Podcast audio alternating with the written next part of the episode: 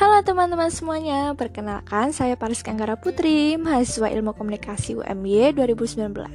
Selamat datang di Nyopot alias Nyobain Podcast. Hai, ketemu lagi di podcastku yang kedua ini. Di podcast kali ini, aku bakal kasih tahu kalian tentang apa aja sih karakteristik televisi dan radio itu. Nah, langsung aja ya.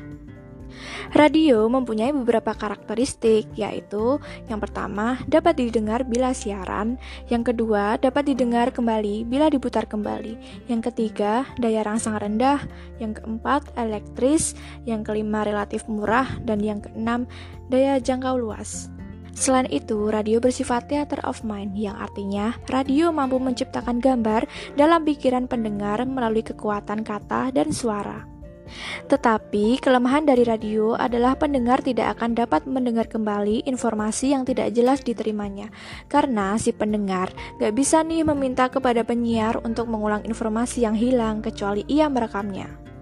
Di sini, sisi positif radio adalah bisa dilakukan sambil melakukan aktivitas lainnya. Sementara karakteristik pada televisi adalah yang pertama dapat didengar dan dilihat bila ada siaran.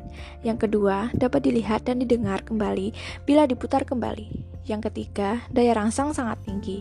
Yang keempat, elektris. Yang kelima, sangat mahal. Dan yang keenam, daya jangkau luas. Audiovisual dalam televisi adalah dengar dan pandang. Televisi juga memiliki kekuatan yaitu dalam detail audio maupun visual. Daya rangsangan yang tinggi misal informasi, iklan, dan program, serta teknologi tinggi dalam hal digital dan streaming. Juga memiliki jangkauan luas di nasional maupun di internasional.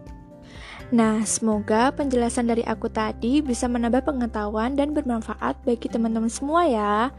Sekian dulu dari aku, sampai bertemu di podcastku selanjutnya. Bye bye.